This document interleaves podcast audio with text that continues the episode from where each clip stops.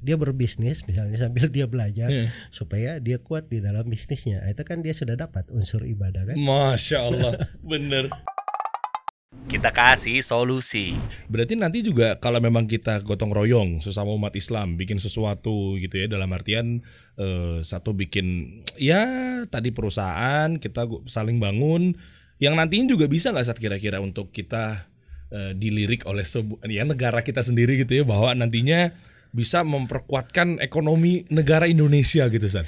ya Eh, itu luar biasa memang kalau Iya, itu. pebisnis berpikir ke sana itu luar biasa jadi harusnya kita sebagai warga negara juga ketika kita berbisnis kita melihat sudut manfaat itu lebih besar daripada itu karena bumi yang kita pijak ini Hmm. itu akan bersaksi di depan Allah pada hari kiamat Masya Allah. langit yang menuduhi kita juga bersaksi Ya, ya. ya karena itu kan dikatakan di surah yang kita semua hafal ya Iya. tentang bumi pada hari kiamat yauma idzin tuhadditsu akhbaraha pada hari itu dia kabarkan tentang berita apa yang terjadi di atas muka bumi ini Oke. jadi kalau kita berbisnis pun akan dicatat bumi bercerita tentang apa yang kita lakukan Uh. jadi semakin banyak manfaat yang kita kerjakan Hmm. semakin besar eh, kekuatan dari manfaat tersebut untuk masyarakat dan untuk menjaga kebersamaan di dalam sebuah negeri nah, itu hal-hal yang sangat di, ditekankan di dalam syariat.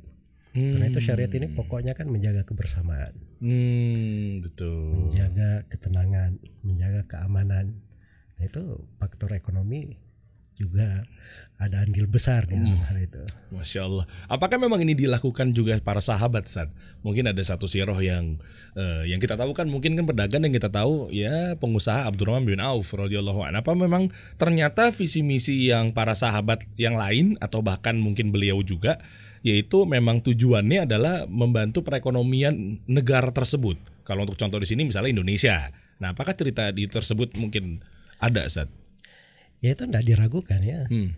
itu bukan cerita di tengah para sahabat saja Oke. bahkan itu ada ayat-ayat Al-Quran hadits-hadits Rasulullah Sallallahu Alaihi Wasallam ya para sahabat memang melaksanakan dari ayat-ayat Al-Quran dan hadits Rasulullah Sallallahu Alaihi Wasallam nah itu di surah Nur misalnya ketika disebutkan orang yang beribadah di masjid bertasbih pada Allah siang eh, pagi dan petang Hmm. kan dikatakan rijalun la tulhihim tijaratun Hmm.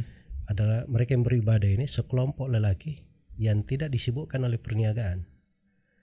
Jadi apa kata tidak disibukkan oleh perniagaan? Dia beribadah, berdagang juga. Oh. Perniagaannya oke. tidak menyibukkan dia dari ibadah. Jadi tidak disebut seorang lelaki saja tidak ada dagangnya. Oh, oh ya.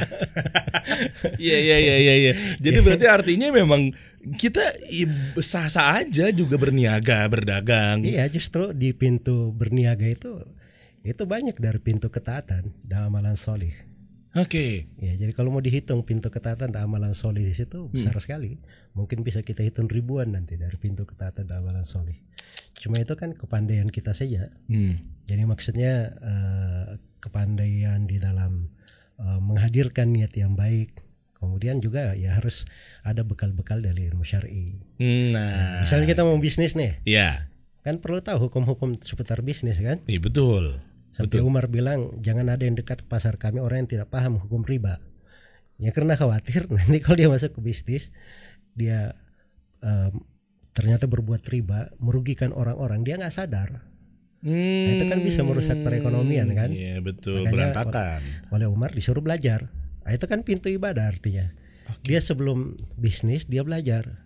Dia berbisnis misalnya sambil dia belajar Iya. supaya dia kuat di dalam bisnisnya. Itu kan dia sudah dapat unsur ibadah kan. Masya Allah, bener. Kita kasih solusi.